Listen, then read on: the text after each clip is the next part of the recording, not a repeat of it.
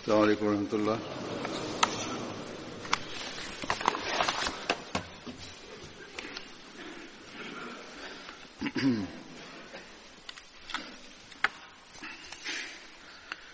أشهد أن لا إله إلا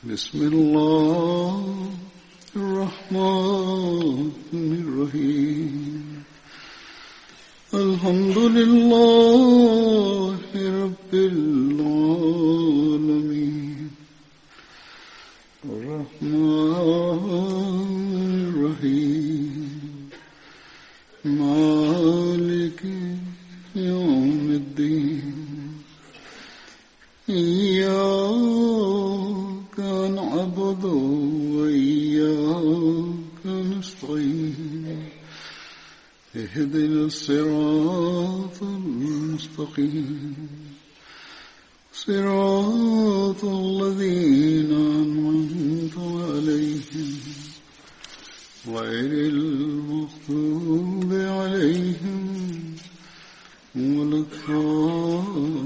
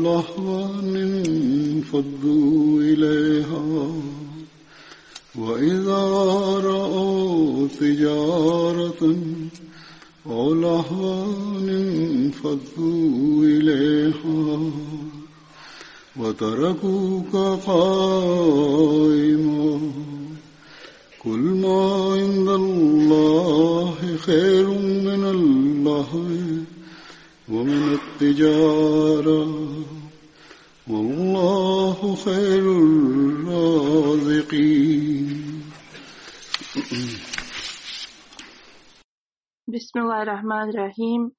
Prijevod ovih ajeta je sljedeći, ovi koji vjerujete, kad se pozove na namazu petak, u jedan dio dana, pođite žurno da spominjete Allaha i ostavite trgovinu.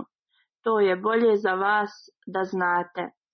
A kad se nama završi, onda se raširite po zemlji i tražite nešto od Allahove blagodati, i mnogo spominjete Allaha da biste uspjeli. No kad oni budu vidjeli neku trgovinu ili zabavu, potrčat će prema tome i ostavit će tebe samog da stojiš. Ti reci ono što je kod Allaha puno je bolje od zabavi trgovine i Allah najbolje obskrbljuje. Danas je zadnja džuma u ovom Ramazanu, inače Ljudi su vrlo pažljivi prema ovoj džumi i trude se više da dođu na ovu džumu od ostalih. Sad generalno ovdje, Hazur kaže, škola je na raspustu i kao rezultat toga vidim da ima više prisutnih i na zadnjoj džumi u Ramazanu broj prisutnih se poveća, a sad je još viši broj zbog raspusta u školi. Hazur kaže ovo su bili ajeti iz zadnjeg ruku u suri Džuma, sura broj 62. U njoj uzvišeni Allah nam je vrlo jasno objasnio važnost džume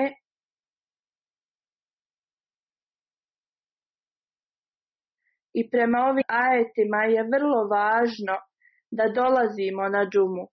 Uzvišeni Allah je rekao, kad ste pozvani za džumu, nemojte da budete lijeni da se lijendite, radije odmah krenite na džumu. Nije važno šta radite i da ste u najvećem poslu i trgovini Za trgovca ili osobu koja ima svoj biznis, preduzeće, možda će donijeti velike gubitke u zaradi, ali kao rezultat Allah kaže da ne mare za tim. I ako ćete izgubiti milione, ne brinite se za to. Dođite na džumu, jer dolazak u džamiju radi džume je za vas dosta bolji od bilo čega stotinama hiljada i milionima hiljada puta Džuma je bolja za vas od bilo čega drugog. Kako god ovo osoba može da razumi jedino ako svati važnost džume. Uzvišen kaže onaj ko irano svati važnosti džume, onda ovo svjetske stvari postaju za njega na drugom mjestu. Allah također kaže poslije džume vi ste slobodni, raširite se u zemlji i vratite se svojim poslovima i obavezama. Allah će onda da blagoslovi vaše ovo svjetske stvari. Ali nemojte da samo vaše obožavanje bude petkom. Minjenica je da uvijek trebate da ostanete i spominjete Allaha, da činite zikr. Kad ovo budete radili, bit ćete uspjeni. Dobit ćete duhovni i materijalni uspjeh. Oni koji se sjećaju uzvišenog Allaha, oni su svjesni da poslije džum dolazi i kindija namaz, pa onda akšam i jacija. Ovo su naši farzovi, to jeste obaveze koje moramo da ispunimo. Nije važno čime se bavite, sve ste postigli kao blagoslov uzvišenog Allaha. Vaš uspjeh ovisi o vašem zikiru, to je spominjanju Allaha i vašim namazima, to je obožavanju Allaha, oni su vrlo povezani sa vašim ovosvjetskim uspjehom. Da ispunite dužnosti prema uzvišenom Allahu. Ovo nije samo naš fokus u toku Ramazana ili u toku petka. Naša dužnost i naše dužnosti su uvijek da ovo radimo. Obećani Isi Salam je spomenuo da džuma je kao bajram. I ovaj bajram je važniji od ostalih bajrama. Kako to da je važniji? Obećani Mesija alaih salam objašnjava ovaj bajram. Imamo suru džumu, to specifično nam je naređeno u njoj da obavljamo džumu. Onda obećani Veseli salam govori opširnije u vezi džume i spominje Hazreti Omera radijalahu anhu i nekog jevreja kad je ajet objavljen da danas sam vam usavršio vašu religiju Znači kad je ovaj ajet bio objavljen, jedan od jevreja je rekao trebali ste da slavite Bajram na ovaj dan, na dan kad je taj ajet bio objavljen. I rekao da je ovo bilo nama objavljeno, mi bi imali Bajram na taj dan. Hazreti Omer radijalahu anhu je odgovorio, Džuma je Bajram za nas, a ovaj ajet je objavljen Upek, obećani Mesih salam kaže kako god mnogi ljudi su totalno nesvjesni u vezi ovog bajrama i važnosti ovog dana. Ovo je, ovo je bajram koji je ušeni Allah nam naredio da radimo svakog petka. I ovo nam daje radosne vijesti da je uzvišeni Allah usavršio našu religiju ovaj dan. Hazur kaže, ovom danu se ne daje važnost kakvu bi trebao da ima. da suprotno ljudi misle da taju da posvete najveću pažnju zadnjem petku Ramazanu i kao da će to da nadoknadi za sve druge džume u toku godine. U realnosti ljudi ne daju pažnju ovome i oni se bave više ove, ovo svjetskim stvarima i poslovima. Rezultat ovoga oni propuštaju svoje džume. Uzvišen Allah kaže – Budite potpuno sigurni da šta je god uz uzvišenog Allaha, to je daleko više bolje od materializma i ovo svjetskih stvari. Allah je taj koji daje uspjeh i blagoslove.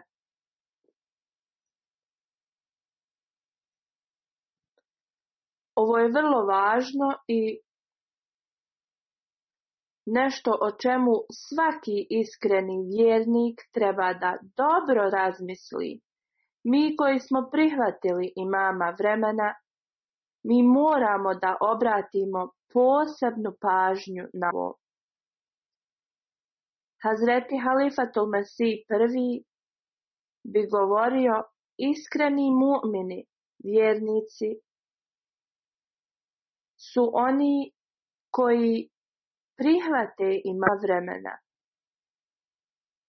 Hazur kaže, oni koji su prihvatili mama vremena, vrlo je važno da praktikuju učenje i upute koje su im date.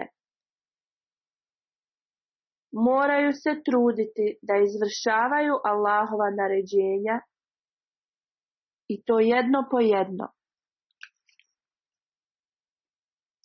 Ovo svjetske stvari ne trebale da budu sve i sve za, za njih.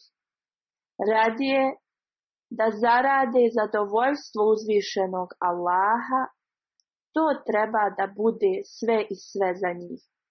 Mnogi od njih talno ovo zaborave i zanemare. Zaboravljaju da su prihvatili obećanog Mesiju alihi salama. I zašto su ga prihvatili? Obećani Mesija alihi salam je došao da ojača vezu između čovjeka i uzvišenog Allaha. Obećani Mesija je došao da nas nauči da mi tražimo i nastojimo da postignemo ljubav uzvišenog Allaha.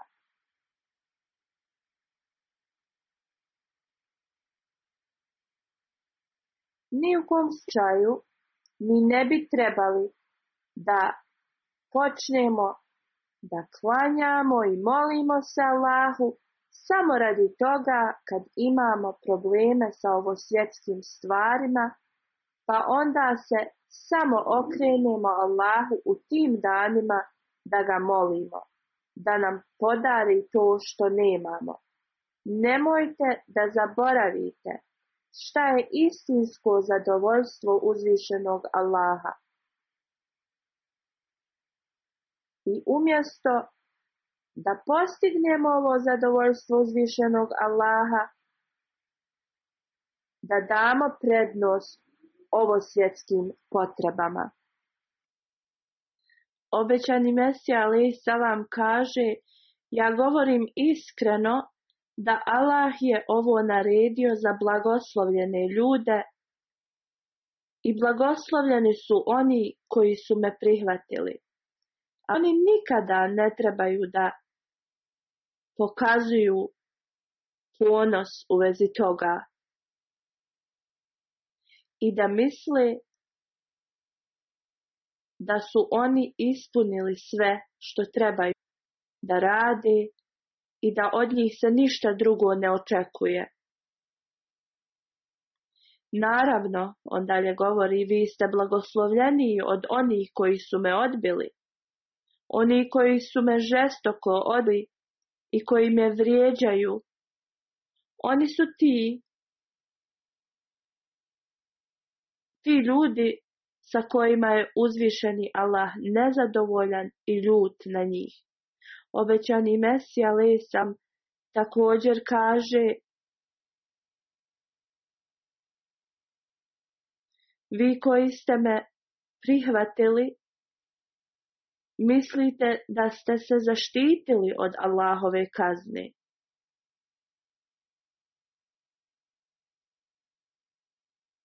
Obećani Mesija Ali salam kaže da istina je da ste vi došli kod fontane koju je uzvišeni Allah dao zauvijek.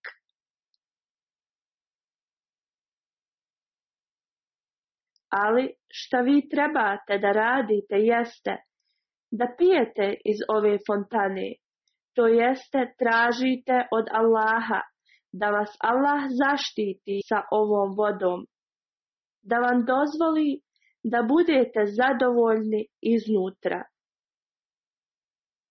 Jer ništa se ne može desiti bez Allahove volje i odobrenja. Obetni Mesija Salam dalje govori Ja znam da kogod bude pio iz ovog izvora neće biti uništen.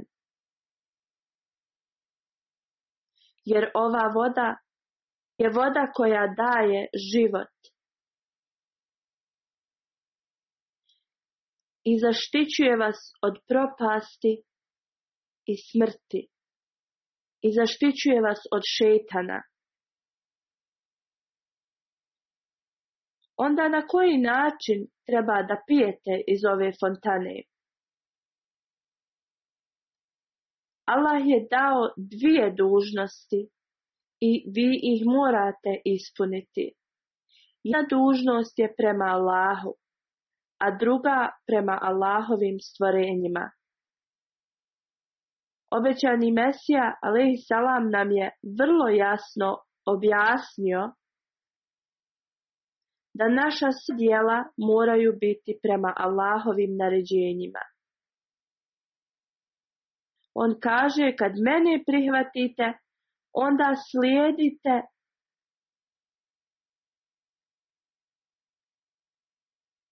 da uzdignete stepen svog obožavanja i također morate da popravite svoje standarde prema svim Allahovim stvorenjima. Ako ovo ne budete izvršavali, onda nećete biti u stanju da dobijete Allahove blagoslove. Da bi pili iz ove fontane koju je uzvišeni Allah nam podario, moramo da promijenimo naše zahtjeve i želje.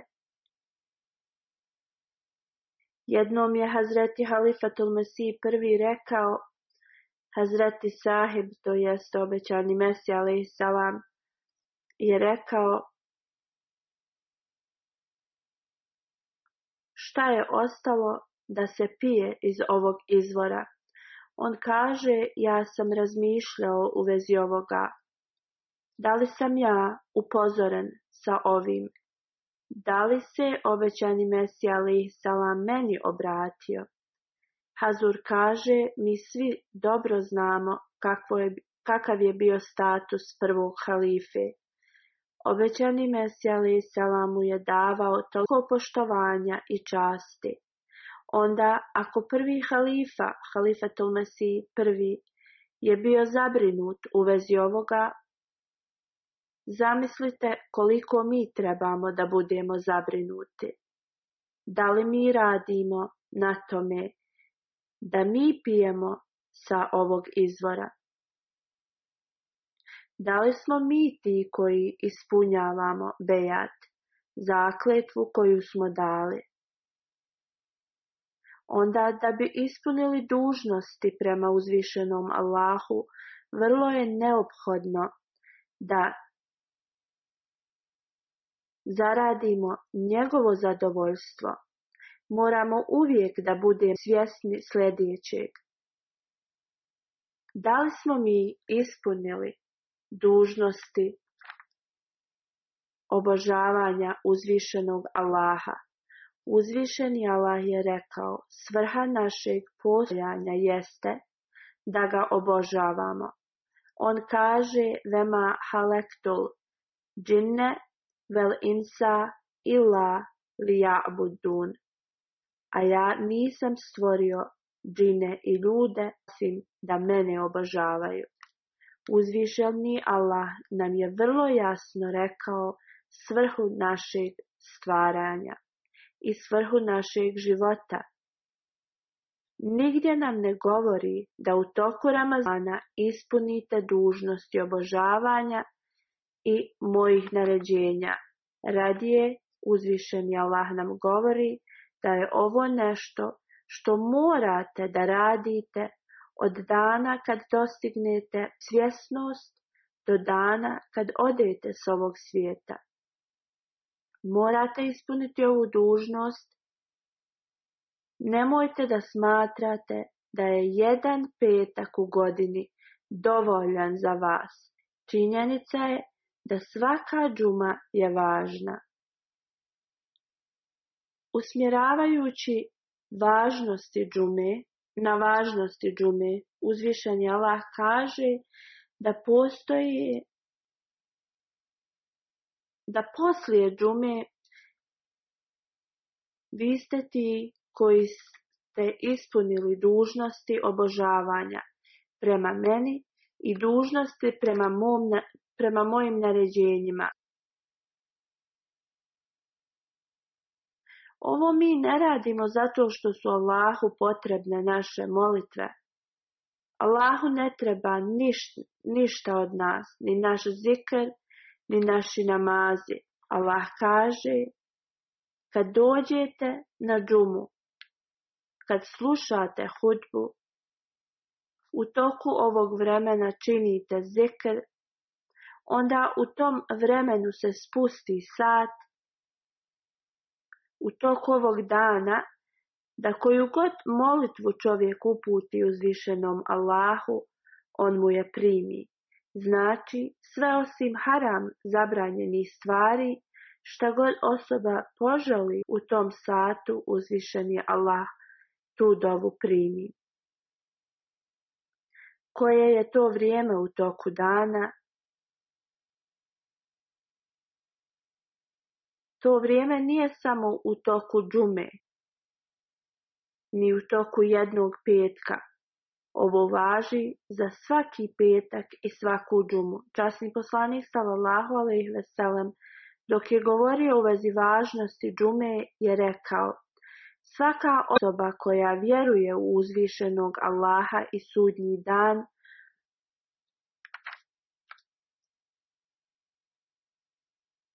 Za njih je obaveza da klanjaju džumu, osim onih koji su bolesni, koji su na putu, žene, djeca i oni koji su robovi.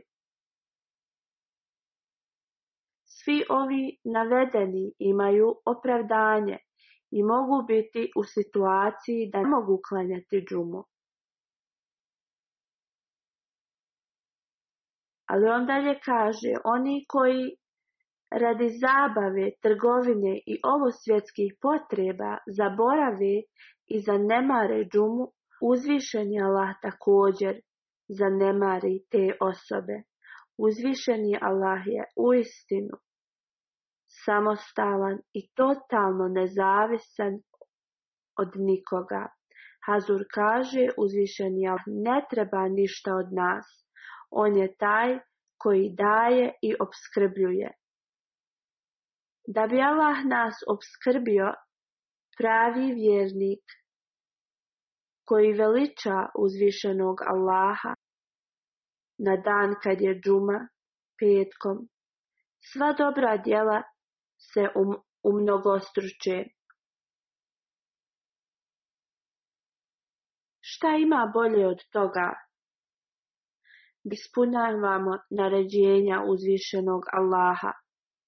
Onda kad iskreni vjerni vjernik radi Allahovog zadovoljstva izvršava njegova naređenja, kad dolazi na džumu i na naze. I izvršavajući ovo, ovo će njemu biti ubrojano u velika dobra djela. Allah će dati mnogo blagoslova ovakvi vjernicima. I ove osobe će jedino dolaziti na džumu i na namaze samo da bi dobili Allahovo zadovoljstvo. Nikakva ovo svjetska zadovoljstva ili želje neće biti u njihovim srcima. I ove osobe neće izostavljati džumu.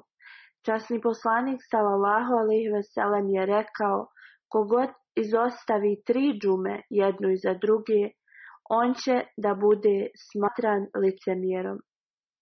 Onaj koji propusti tri džume jednu iza druge, Allah stavi crnu mrlju na njegovo srce. Hazur kaže, ovo je nešto što moramo dobro da razmotrimo. Kad Allah stavi to na naša srca, onda mogućnost da radimo dobra djela također nestane.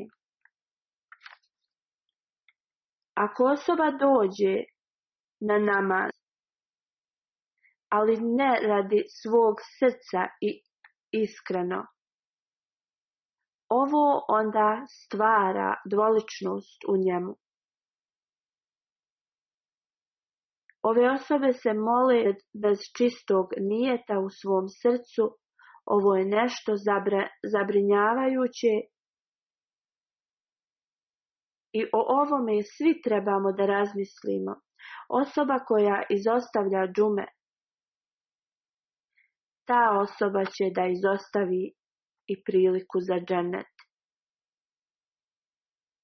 Iako ta osoba radi mnoga dobra djela, ali izostavlja džumu, će da mu uskrati njegov džennet. Mnogo puta časni poslanik sallallahu ve veselam nam je naredio da ne propuštamo džumu. I čak je upozorio one koji ne klanjaju džumu. Nigdje ne stoji da je časni poslanik sallallahu ve veselam rekao idite i klanjajte zadnju džumu u Ramazanu. i da ćete zbog toga dobiti dženet kao nagradu. Ja sam već spomenuo ovo, da oni koji izostavljaju džume radi zabave, trgovine i slično tome,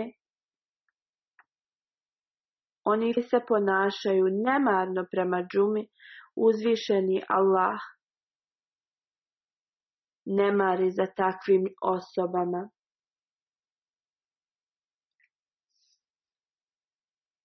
Ovo nije samo ograničeno za džumu. Časni poslanik sallallahu alejhi ve je rekao da osobina istinitog mu'mina, to jest vjernika je kad on završi jedan namaz, on već razmišlja o sljedećem. Također kad on klanja džumu, on misli na sljedeću džumu. Kad Ramazan se završava, on misli kad će sljedeći Ramazan da dođe. Ovo svjetske misli nisu na njegovom umu. Da bi propustio džumu, to nikad ne može ni da pomisli. Moramo uvijek da budemo zabrinuti u vezi našeg obožavanja i naših namaza. Moramo da znamo šta želimo i da to bude sve u ispravnim direkcijama. I vrlo je potrebno da uvijek nastojimo da radimo, da postignemo ovo. Morate da imate čisto razumijevanje u vezi ovoga. Samo da govorite o ovome riječima, a da ne izvršavate djela, to su samo prazne riječi i ništa ne može da bude postignuto. Ali mi ćemo da razlimo o ovome.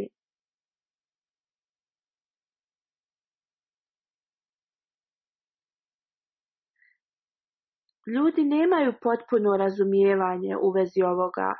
Ljudi se inače mole za ovo svjetske stvari i materializam.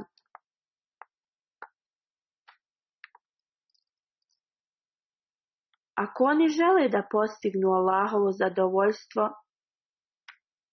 oni će se konstantno moliti.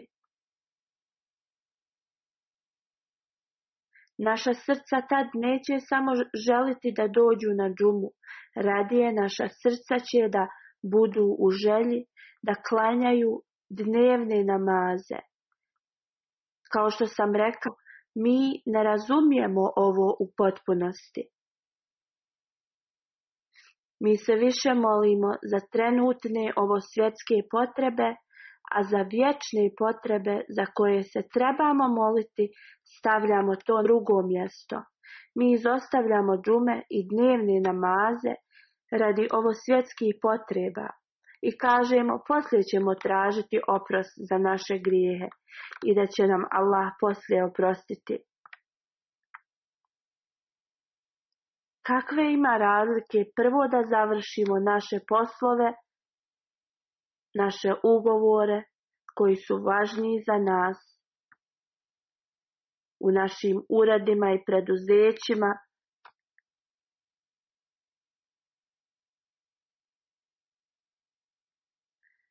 onda ovi ljudi se više trude da njihovi šefovi i supervajz, njihovi šefovi budu zadovoljni. I oni inače misle da njihov šef će biti nezadovoljan ako oni upitaju da odu i klanjaju svoj namaz. I da će tad njihovi šefovi da im ne pomažu i slično.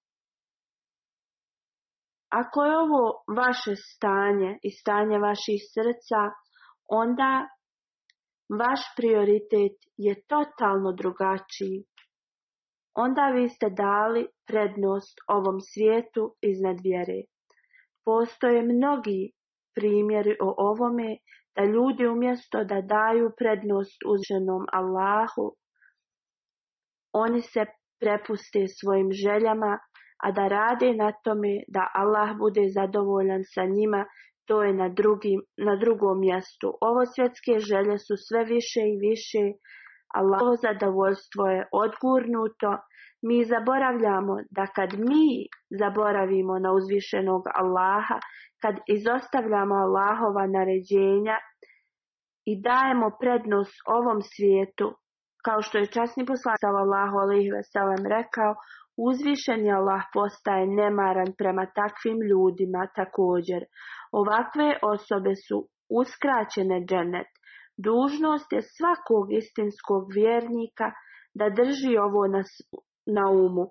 Trebamo da kažemo da sve što imamo je radi Allahovog blagoslova.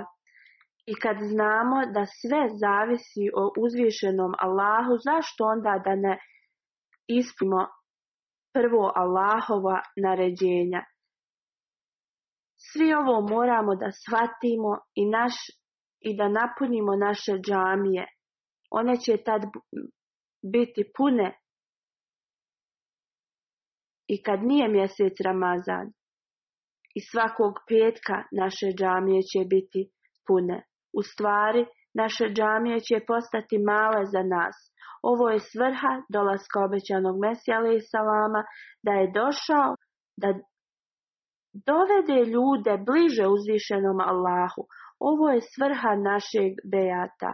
Da mi moramo da dovedemo ljude bliže uzvišenom Allahu, da uspostave vezu između čovjeka, njegovog stvoritelja i da Postanemo istinski obožavaoci uzvišenog Allaha, naše molitve, namazi, post, naše džume, bajrami, sve treba da bude totalno za zadovoljstvo uzvinog Allaha. Allah nam je podario Ramazan, mjesec posta, gdje možemo da skrenemo specijalnu pažnju i da popravimo standarde obožavanja. Tako da sljedećeg Ramazana možemo još više da se popravimo, a ne da između Ramazana se opustimo i vratimo unazad. Ne bi trebalo da odmah poslije Ramazana vratimo se starim načinu života. Ovo nam je obećani Mesija Ali Salam rekao, ako naše sutra nije bolje od danas, onda mi nismo pravi vjernici. Hazur kaže, Danas mi nismo ovdje da se oprostimo od Ramazana. Mi smo ovdje da povećamo naše obožavanje, ljubav, poslušnost prema uzvišenom Allahu. Ovdje smo da povećamo našu bogobojaznost. Danas trebamo da obećamo da ćemo poveti našu pokornost prema Allahu. Kad zaista razumite šta znači biti blizu Allaha. Ako ovo zaista cijenite, ako smatrate da je Allah ona koji posjeduje sve moći i da je on taj koji odlučuje i daje sve, ali ako dadnete veću prednost ovom svijetu nego Allahovom zadovoljstvu, onda bit ćete kao on djeca koji su našli dijamante i rubije, ali ih smatraju da su obično staklo i igračke. Oni njih bacaju jedni na druge jer ne znaju da su vrijedne stvari. Hazreti Halifatul Mesih drugi govori da je jednom čekao brod iz Bombeja. On kaže, prijatelj mi je rekao da je neki trgovac izgubio svoj nakit i dragulje. Tu je bilo oko 105 nekih manjih, nekih viših dragulja, on je informisao vlasti i oni su svi tražili ove dragulje. Nekoliko dana poslije soba je donijela nekoliko ovih dragulja, rekao je vidio sam da se neka djeca igraju s njima, kad su pitali dijete u vezi ovoga, on je rekao da je mislio da su ovo kao klikeri ili stvari za igranje.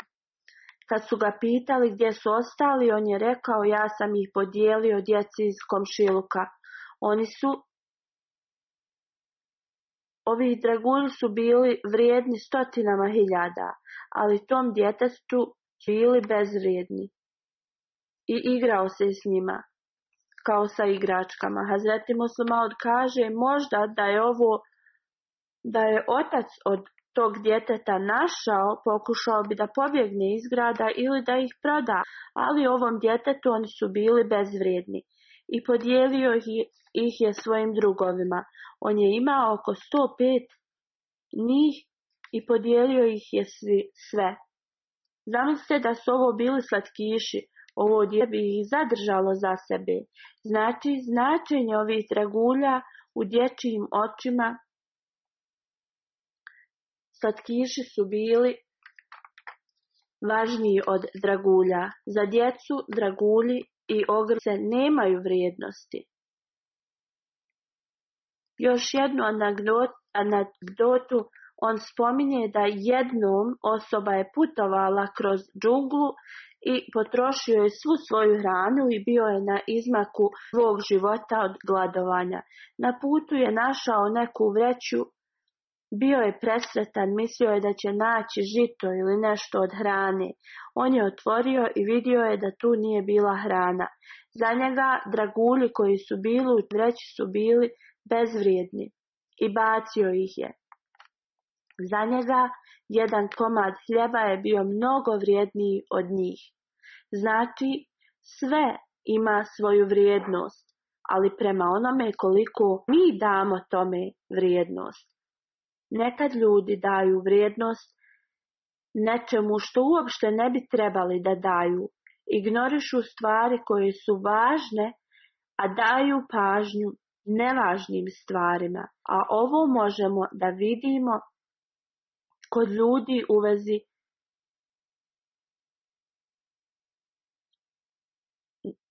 kako oni gledaju na Allaha i ovo svjetske stvari.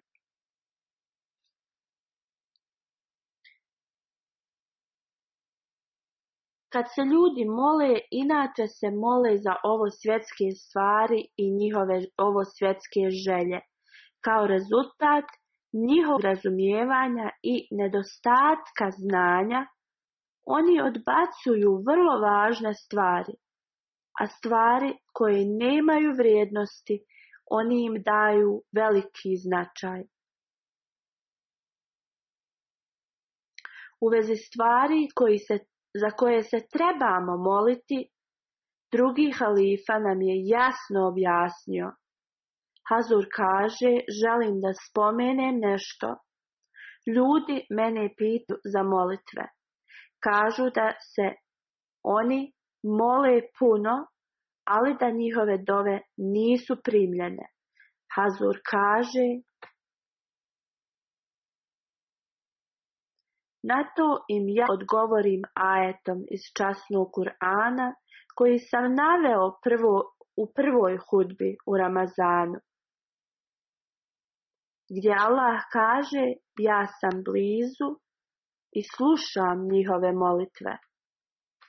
Hazreti Muslimaud kaže da u ovom ajetu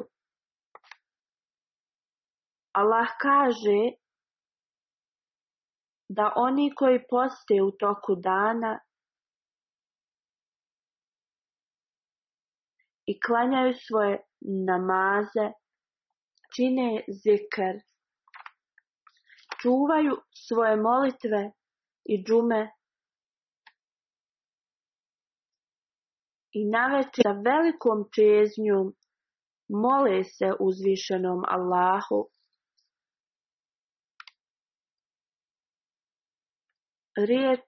ova riječ na arapskom znači oni koji se mole Allahu, ali ovdje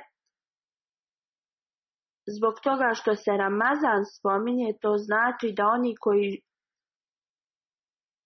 žele da očiste sebe, oni ovo ne rade samo u roku Ramazana. Oni obožavaju u toku cijele godine. Ovi ljudi se ne mole za ovo svjetske stvari, radije oni mole uzvišenog Allaha za njegovu pomoć, za njegovu ljubav. Uzvišeni Allah kaže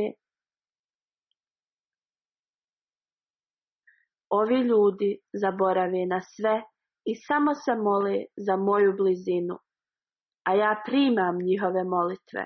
Hrti muslima odradi Allahu Anho objašnjava značenje riječi iz ovog ajeta uzvišeni Allah kaže Pokušajte da dobijete mene i moju blizinu. Allah kaže Kad oni pitaju u vezi mene, oni žele da budu blizu meni. Ti ljudi ne pitaju o novom poslu i ne pitaju u vezi njega što je ovo svjetsko. Oni pitaju gdje je Allah, mi želimo da upoznamo njega. Uzvišeni Allah kaže, onaj ko želi da ima vezu sa mnom, ja zasigurno sam tu. Allah ne spominje one koji traže za obskrbu, brak i tako dalje. On ne spominje da će on zasigurno primi njihove dove. Često ljudi kad kažu mi smo se toliko molili, ali naše molitve nisu bile primljene. Mi vidimo da su oni samo molili privremeno. Oni se samo mole kad im je nešto potrebno. Njihove molitve su privremeni. Neki kažu toliko skrušeno smo se molili i ponizno i plakali. Allah nije odgovorio na naše molitve. ali mi znamo da Allah nije obećao da će da odgovori na sve njihove molitve.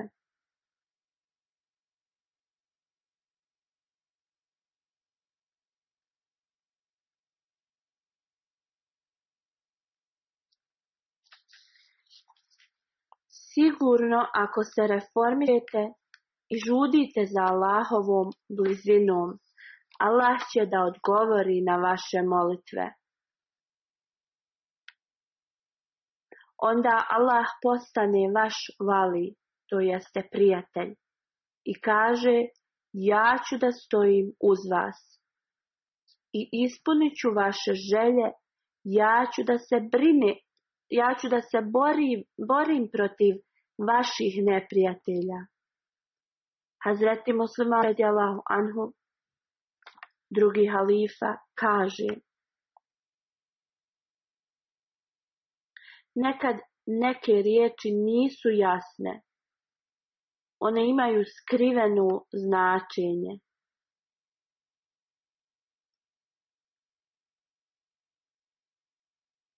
Onda on govori u vezi riječi iz ovog ajeta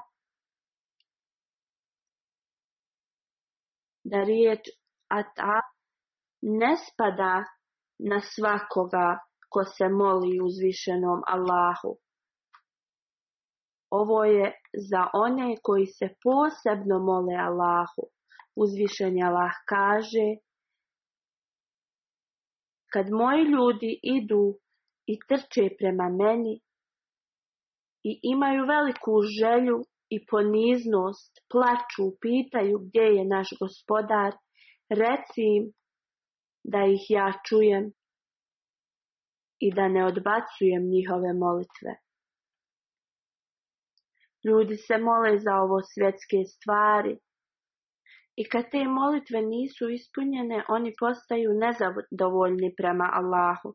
Na primjer, neki traže posao, mnogi mi pišu za molitve za njihove poslove.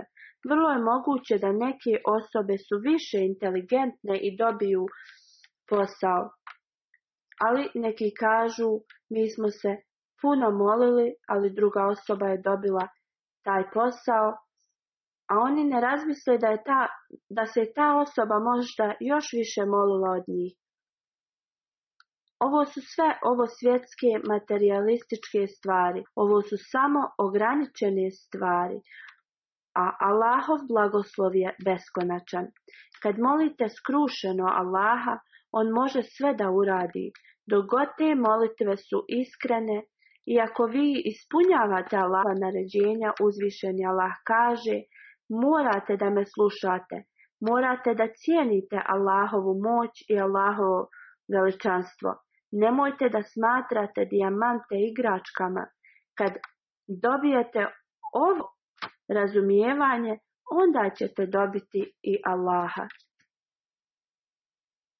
Svi blagoslovi svijeta su pod njegovim nogama. Ovakve osobe moraju da slušaju svako Allahovo naređenje. Nemojte da smatrate da je ovaj jedan mjesec dovoljan za vaše obožavanje i molitve. Nemojte smatrati za zadnji petak zadnju džumu u Ramazanu da je, da je dan kad se vaše molitve primaju. Mi moramo da imamo punu vjeru uzvišenog Allaha. Nikad nemojte da budete nelojalni Allahu. Onda ćemo biti od onih koji dobiju istinsku uputu. Oni čiji je prijatelj Allah i sve potrebe i želje Allah im ispunjava. Ovo je Allahovo obećanje. Mi koji smo primili obećanog Mesija alaih salama, naša je dužnost da podignemo standardne našeg obožavanja. Stepen koji pokušavate da dostignete ovog Ramazana, poslije Ramazana ne smijemo dozvoliti da ovaj standard opadne. Nastavite da ga povećavate i no, nastavite da dolazite na džume. Pratite Allahova naređenja, nastojte da budete od onih koji iskreno se mole Allahu, nastavite da se molite da postignemo vezu sa uzvišenim Allahom. Naše molitve, namazi i sve treba da bude samo radi Allahovog zadovoljstva, da uzvišeni Allah nam pomogne pa da postignemo ove standarde.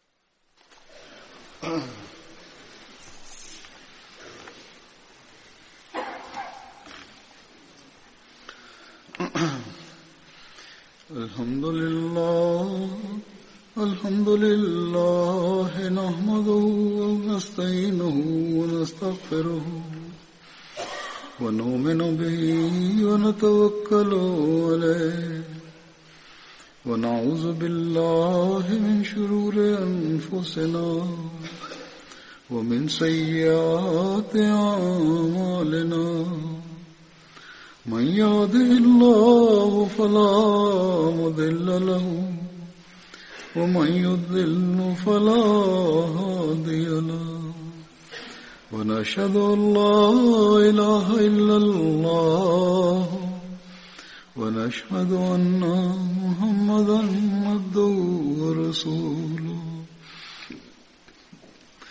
عباد الله رحمكم الله إن الله يأمر بالعدل واللسان وإيتاء ذي القربى وينهى عن الفحشاء والمنكر والبغي يعظكم لعلكم تذكرون اذكروا الله يذكركم وادعوه يستجب لكم ولذكر الله أكبر